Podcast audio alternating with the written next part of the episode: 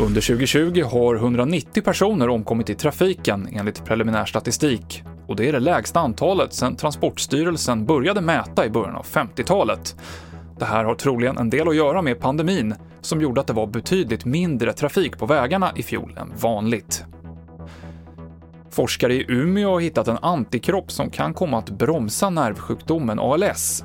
En forskare säger till SVT att personer som fått diagnosen brukar leva i max 3-4 år till, men den nya upptäckten kan göra det möjligt att utveckla mediciner som fördubblar den livslängden.